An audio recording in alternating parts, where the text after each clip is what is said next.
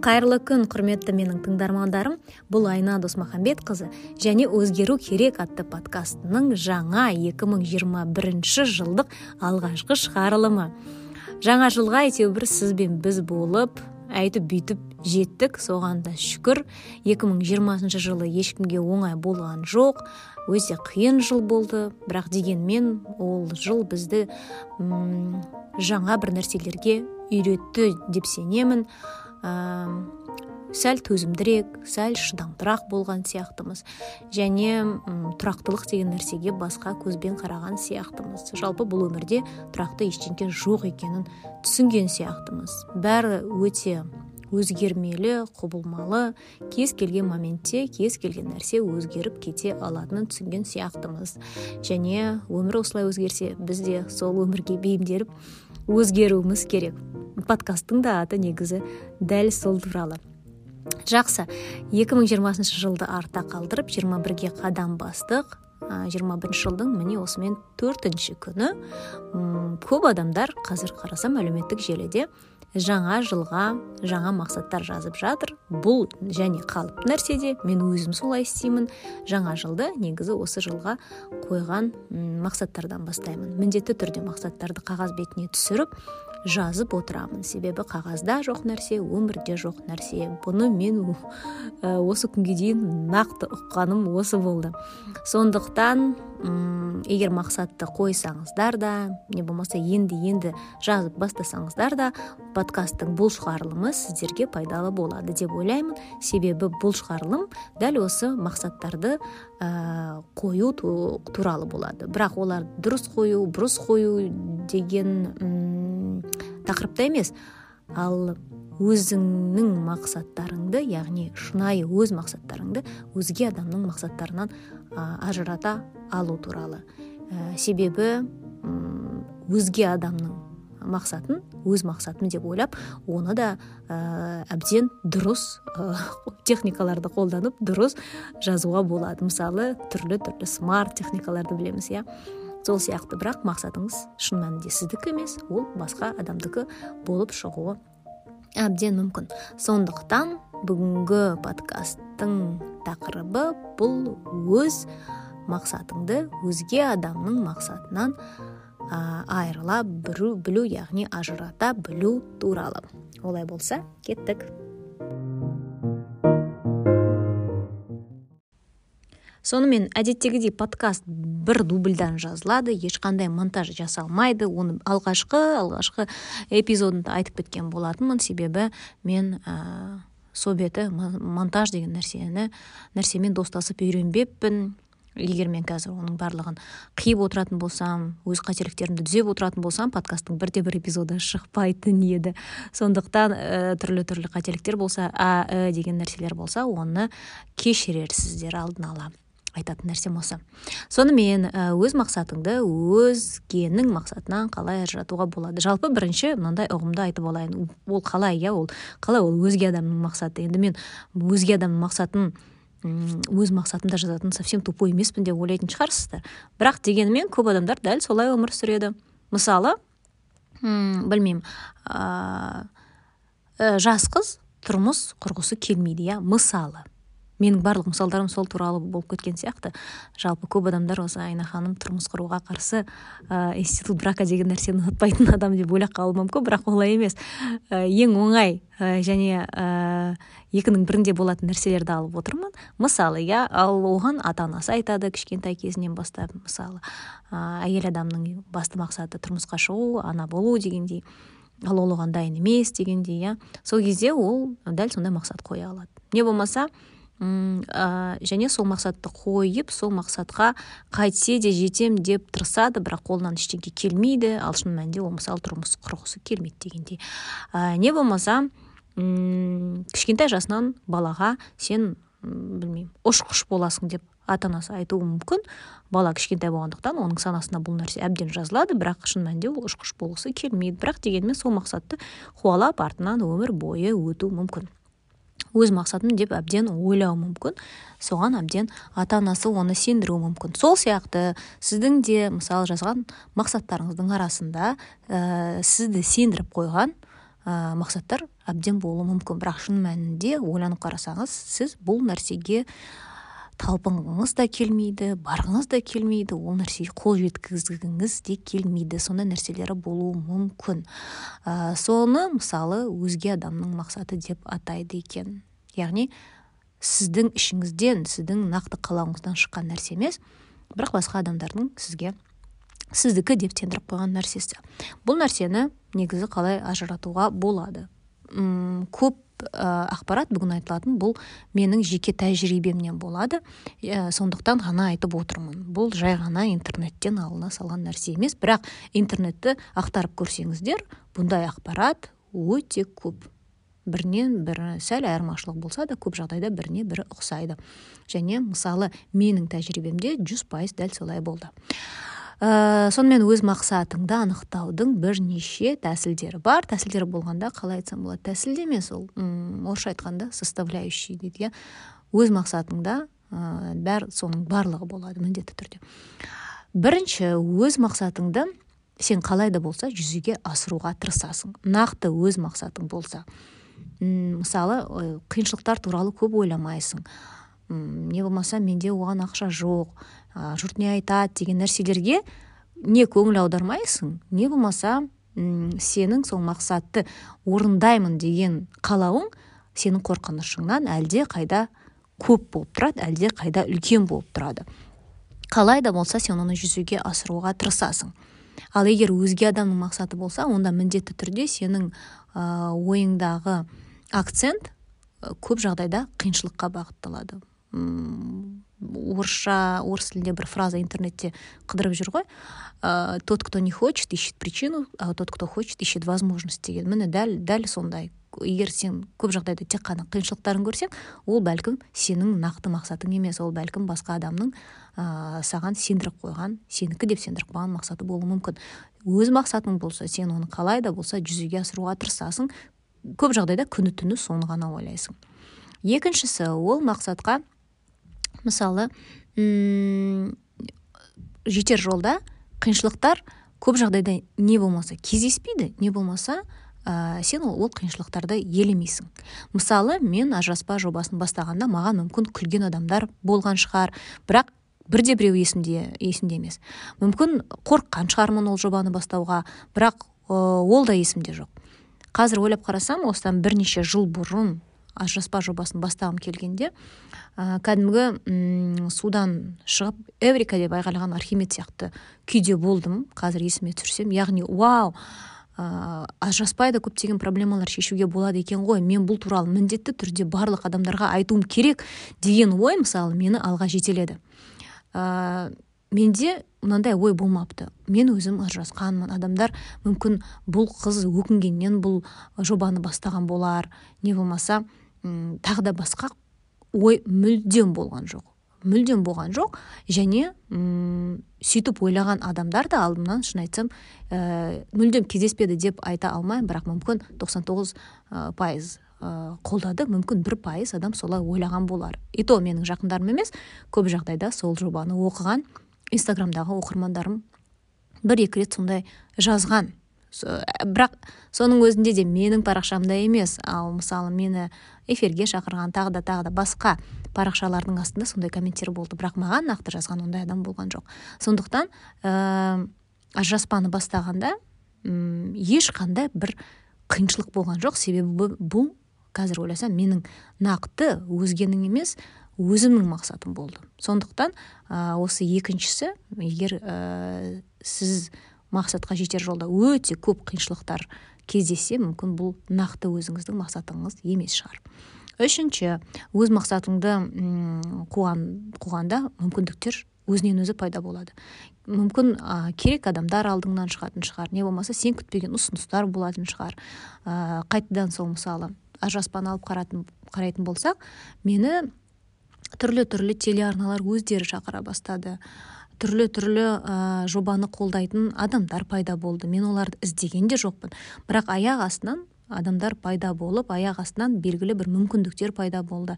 Ә, не болмаса тіпті мен жазылған адамдар қалай да болса сол жобаға мысалы пайдасы тиетін мүмкіндіктері бар болды. Біреу психолог па біреу тағысын тағы ма. Әйтеуір маған керек ақпарат маған керек нәрсе сол жобаны дамытуда керек нәрсе өзінен өзі алдымнан пайда болды. Ә, демек бұл менің шынайы мақсатым деп ойлаймын. Себебі көптеген ә, мақсатына жеткен адамдарды оқып қараса алдына ақшаны емес сол мақсатты ә, көздеп қойғанда ақша да өзі пайда болады. Ә, дұрыс керек таныстар да өздері пайда болады деген сияқты. Ә, төртіншісі егер саған ешкім ақша төлемесе де сен сол іспен айналыса бересің. Үм, негізі осы сұрақ маған көп жағдайда көмектесті. Мен өзіме әрқашан осы сұрақты қоятынмын. Маған ақша төлемесе де мен не нәрсемен айналысар едім? Бұл сұрақты мен қазірдің өзінде де өзіме жиі қоямын. Себебі ол маған менің нақты мақсатымды анықтауға көмектеседі. Егер маған белгілі бір ұсыныс түссе мысалы айна ханым мына жобаны істейік деп айтса мен өзіме мынандай сұрақ қоямын. Маған бұл кісі ақша төлемесе мен бұл жобаны алдыға алып жүре жүруші ме едім? деген. Егер жауап жоқ болса демек бұл менің мақсатыммен сәй, сәйкес келмейді. Ал иә болса демек менің мақсатым дәл сондай болуы мүмкін. Сондықтан ыыы осы сұрақты әлі күнге дейін қоямын. Және ә, менде жүз пайыз сол сұраққа жауап бар.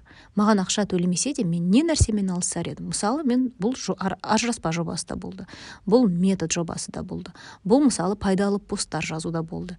Меніңше мен адамдарды адамдардың сауатын арттыратын және оларды бақытты қылатын нәрселермен өмір бойы тегін айналыса алатын сияқтымын. Ә, бұл негізі өз мақсатыңды анықтаудың келесі пунктіне де алып келеді. Ә, бесіншісі өз мақсатың әрқашан біреуге бірдеңке беруден шығатын сияқты. Бұл жеке өз ойым. Яғни біреуден бір нәрсе алу емес беру. Кең болсаң кем болмайсың деп бекер айтылмаған шығар. Сенің ішіңе неғұрлым көп нәрсе сыйса бай емессің сен. Бірақ сенің ішіңнен неғұрлым көп нәрсе шығара алсаң ғана байсың деп ойлаймын. Ә, қазір мен ақша туралы айтып отырған жоқпын. Өз мақсатыңды тапқанда оны жүзеге асыратын қаражат табылады. Мысалы ажыраспа жобасын бастағанда мен ә, белгілі бір танымалдылық ә, өзіме мысалы алу емес иә алу туралы айтатын болсақ. Ол жаспа жобасын ертең монетизация жасап ақша табуда яғни бірдеңке алу менің мақсатым болған жоқ. Мен керісінше адамдарға бергім келді. Ажыраспай да мына проблеманы шеше аласың. Отбасылы бола тұра да өз өзіңді дамыта аласың. Ә, сондай нәрселерді мен адамдарға айтқым келді. Сол ақпаратты мен әйелдерге бергім келді. Ә, сондықтан міне осы ішімнен шыққан нәрсе болғандықтан бұл менің ә, нақты мақсатым болды деп айта аламын ал мысалы басқа жобаларға келсем ә, ондай сұрақты әрқашан қойғанда менде басқа жауап болуы мүмкін еді. Иә мысалы мына жобада маған көп жалақы ұсынып жатыр. Яғни бұл алу туралы иә. Мына жобаға барсам менде жаңа таныстар ә, керек мысалы керек таныстар пайда болуы мүмкін. Яғни бұл қайтадан өзің туралы ойлайсың иә. Мысалы маған керек таныс маған керек ақша маған керек мүмкіндіктер. Яғни ә, беру емес алу туралы көбірек ойласаң меніңше ұм, оның түбі бір қалай айтсам жақсылыққа емес мүмкін бір ә, керек нақты өз мақсатыңа жеткізбейді деп ойлаймын. Ә, сондықтан әлі күнге дейін мен мысалы бір ұсыныс түссе мен біріншіден ойлайтын нәрсем бұл мен осы ұсыныс түскенде мен бұнымен тегін айналысуға дайынмын ба жоқ па? Бұл міндетті түрде тегін айналысам деген сөз емес. Бірақ бұл маған өз мақсатыма сай келе ма сай келмей ма соны анықтауға ә, арналған триггер ретінде қараймын. Екіншісі мен қарайтын мен бұл жобада өзге адамдарға не бере алам яғни не алам өзіме не ала алам емес не бере алам деген сұрақ туындайды сол кезде мысалы мысалы методта да жұмыс істегенде мен бұны қалай жақсарта аламын мен балаларға не бере аламын иә? Бізде программированиені үйреніп жатқан адамдарға қалай ә, жаңаша білім не бере аламын деген деген мысалы ә, нәрседен туған мүмкіндіктер өте көп болды. Тіпті ә, америкаға барып силиконовый долинада ә, сол ең мықты мықты IT компаниялардан стажировкадан өту де сол не бере аламнан шыққан нәрсе деп сенемін мен. Үм, сол сияқты қазіргі жасап жатқан ә, жыныстық тәрбие ә, қосымшасы да мен жасап жатқан. Керек адамдардың өздері өз табылып жатыр. Не болмаса мен көмекші керек деп едім. Дәл сол ә, саламен айналысатын адамдар да өздігінен өздері пайда болып жатыр иә. Ә, себебі бұл гранттан ешқандай ақшаны мен таппаймын. Мен қайта соны ә, сол білімді беру мақсатымен жасаған нәрсемін. Міне, міне бұл осы мен айтқан бес жол ә, яғни біріншісі ол мақсатыңды сен қалай да болса жүзеге асыруға тырысасың көп жағдайда сен ә, соны жүзеге асыруға болатын мүмкіндіктер туралы ойлайсың қиыншылықтар емес. Екіншісі бұл нақты өз мақсатың болса ол мақсатты мақсатқа жету жолында қиыншылықтар не кездеспейді не болмаса сен оларды елемейсің. Үшіншісі өз мақсатыңды қуғанда мүмкіндіктер өздігінен өзі пайда болып жатады. Егер керек мүмкіндіктер пайда болып жатпаса мүмкін бұл сенің нақты мақсатың емес. Төртіншісі ешкім саған ақша төлемесе де сен бәрібір сол іспен айналыса бергің келеді. Бесіншісі өз мақсатың әрқашан да біреуге бірдеңке беруден пайда болады. Егер шынымен бірдеңке бергің келсе мүмкін шынымен сенің мақсатың. Міне ал негізі тағы да бір жол бар. Бұл мысалы өз мақсатыңа жеткен кезді елестету. Дәл сол қалыпта сен қандай күйде боласың? Сен не нәрсені сезінесің? Қандай сезімде боласың? Соны ә, ойлап көрші. Егер ішің бақытқа тыныштыққа толы болса иә бұл шынымен сенің мақсатың болуы мүмкін. Ә, не болмаса сен бұны бір тұтас күйінде қабылдайсың иә. Бірден ә, бір ә, целостность орысша айтқанда целостный болсаң егер мүмкін сенің мақсатың болады. Ә, ал егер мысалы иә мақсатқа жеттің бірақ ә, кенеттен бір бір басқа белесті бағындырғың келіп кетсе не болмаса бұл ә, как будто сен мақсатқа жеттің бірақ тек қана сол мақсаттың бір бөлігін ғана сезінсең бір толыққанды жүз пайыз болмаса бағанағы айтқанда целостность болмаса мүмкін ә, бұл сенің мақсатың емес. Басқа адам саған сендіріп қойған өзгенің мақсаты болуы мүмкін. Бұл да сізді ойландыру керек. Үм, мақсатқа мақсат қойғанда сондықтан өзіңмен шынайы болуың керексің. Мақсат бөліктерге бөлінбейді. Және ол өтіп бөлініп кетпеу керек. Ә, мақсат әрқашан өзіңнің ішкі өзгерісіңе негізделу керек. Ә, мысалмен айтайын. Мысалы м бала туғым келеді және ана болғым келеді бұл екеуі екі бөлек нәрсе. Біріншісі сыртқы нәрсеге негізделген яғни баланың пайда болуы. Сіз барсыз және балаңыз бар иә? Кенеттен бала пайда болды. Яғни ә, сіз өзгерген жоқсыз. Ал қасыңыздан бір сыртқы нәрсе пайда болды бала пайда болды иә. Ал бұл мысалы онша дұрыс емес нәрсе. Ал екіншісі мысалы бұл ішкі өзгеріс ана болу. Яғни ә, кенеттен бір нәрсе пайда болған жоқ ал сіз ана болғыңыз келеді. Бұл ішкі өзгеріс. Сондықтан ә, нақты мақсат ә, сондай іштен пайда болу керек. Дәл сол сияқты мысалы күйеуге шығу иә.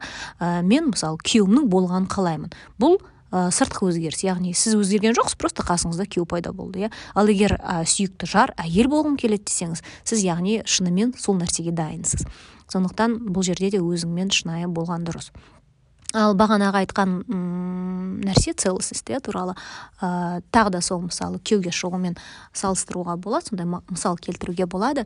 Мысалы ұм, нақты күйеуге шыққанда қандай күйде боласыз? Бірінші не туралы ойлайсыз? Сол мақсат орындалды дегенде бірінші ойыңыз қандай? Егер бірінші ойыңыз ә, қаржылық нәрсе болса мысалы уф енді мені ә, асырайтын бір адам бар дегендей иә? Енді мен ә, қаржылық қиыншылықтар туралы ойламаймын десеңіз сіз күйеуге шыққыңыз келмейді иә? Сіздің нақты мақсатыңыз бұл күйеуге шығу емес нақты мақсатыңыз ә, бір белгілі бір қаржылық тұрақтылық. Әйтеуір ә, ақшаны қайдан табам деп ойламау иә.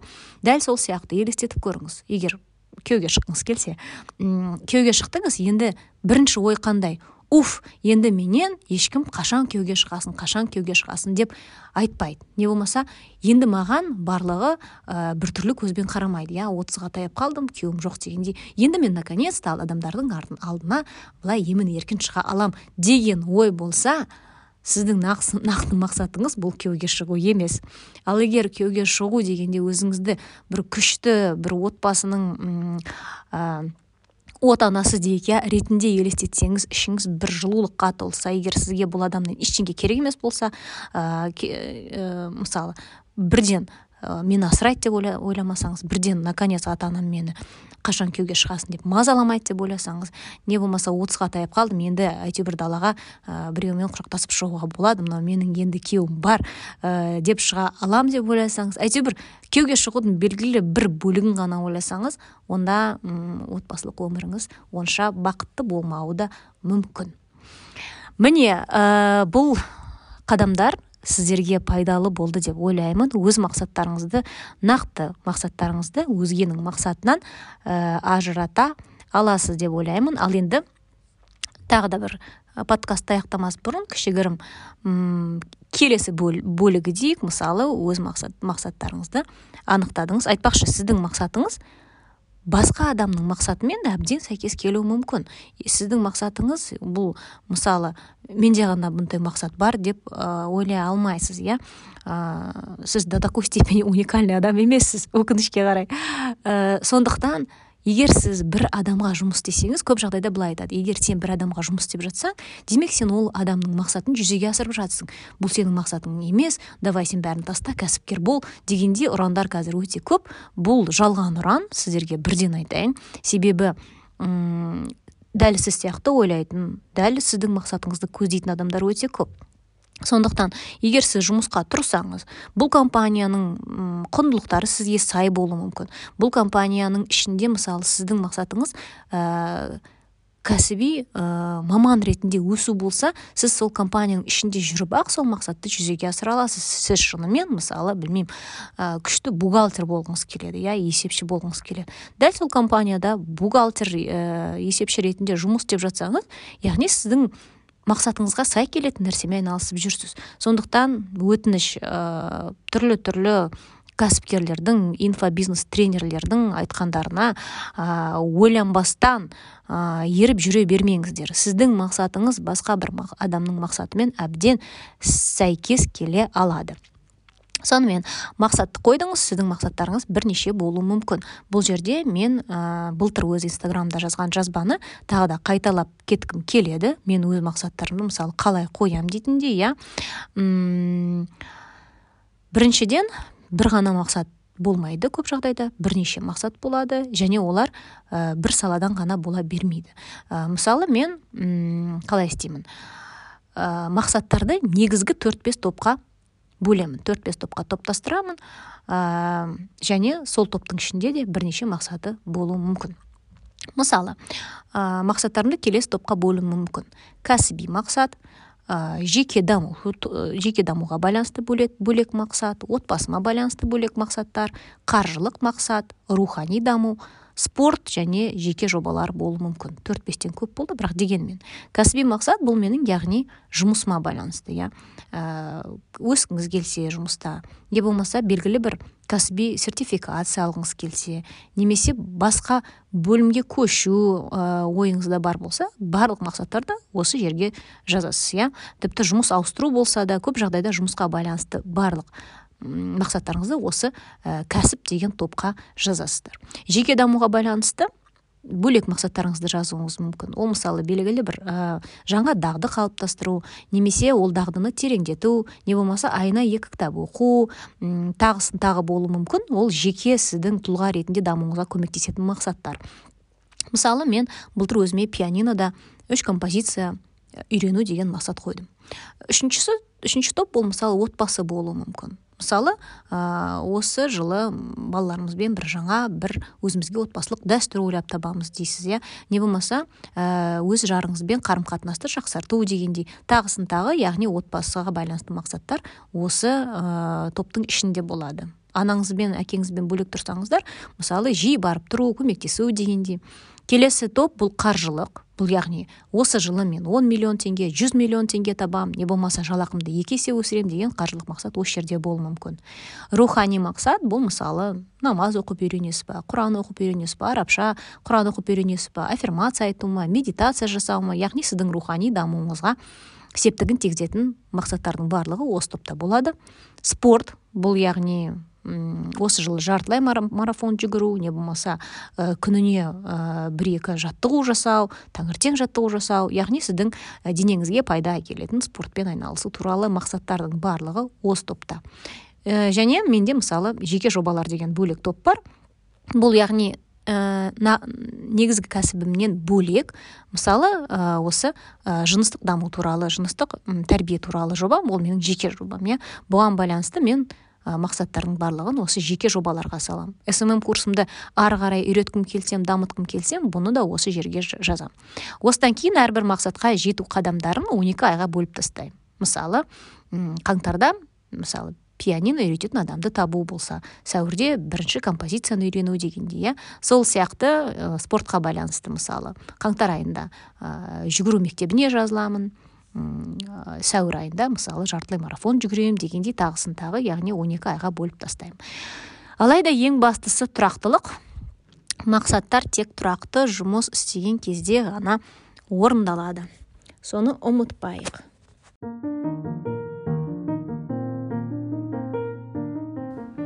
Сонымен біз бүгінгі подкастта өз мақсаттарыңызды өзге адамдардың мақсаттарынан қалай ажырата білу керектігін үйреттік және мен сіздерге өзімнің мақсаттарымды қалай қоямын қалай жоспарлаймын сол туралы айтып бердім.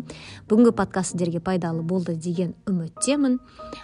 Егер қандай да бір ойларыңыз болса не болмаса қандай тақырыпта подкастты естігіңіз келсе онда инстаграмнан мені тауып маған жекеге жазсаңыздар болады. Осы подкаст туралы өз ойларыңызды өз парақшаларыңызда болсын маған кіріп менің парақшамда болсын жазып қалдырсаңыздар нұр үстіне нұр. Ал мен сіздерді тағы да 2021 жылмен құттықтаймын. Ең бастысы басымыз аман дендеріміз сау болсын. Сіздердің отбасыларыңызға жақындарыңызға ә, тек қана жақсылық аманшылық тілеймін. Әрқашанда үйлеріңіз күлкіге шаттыққа және бақытқа толы болсын. Келесі эпизодта кездескенше.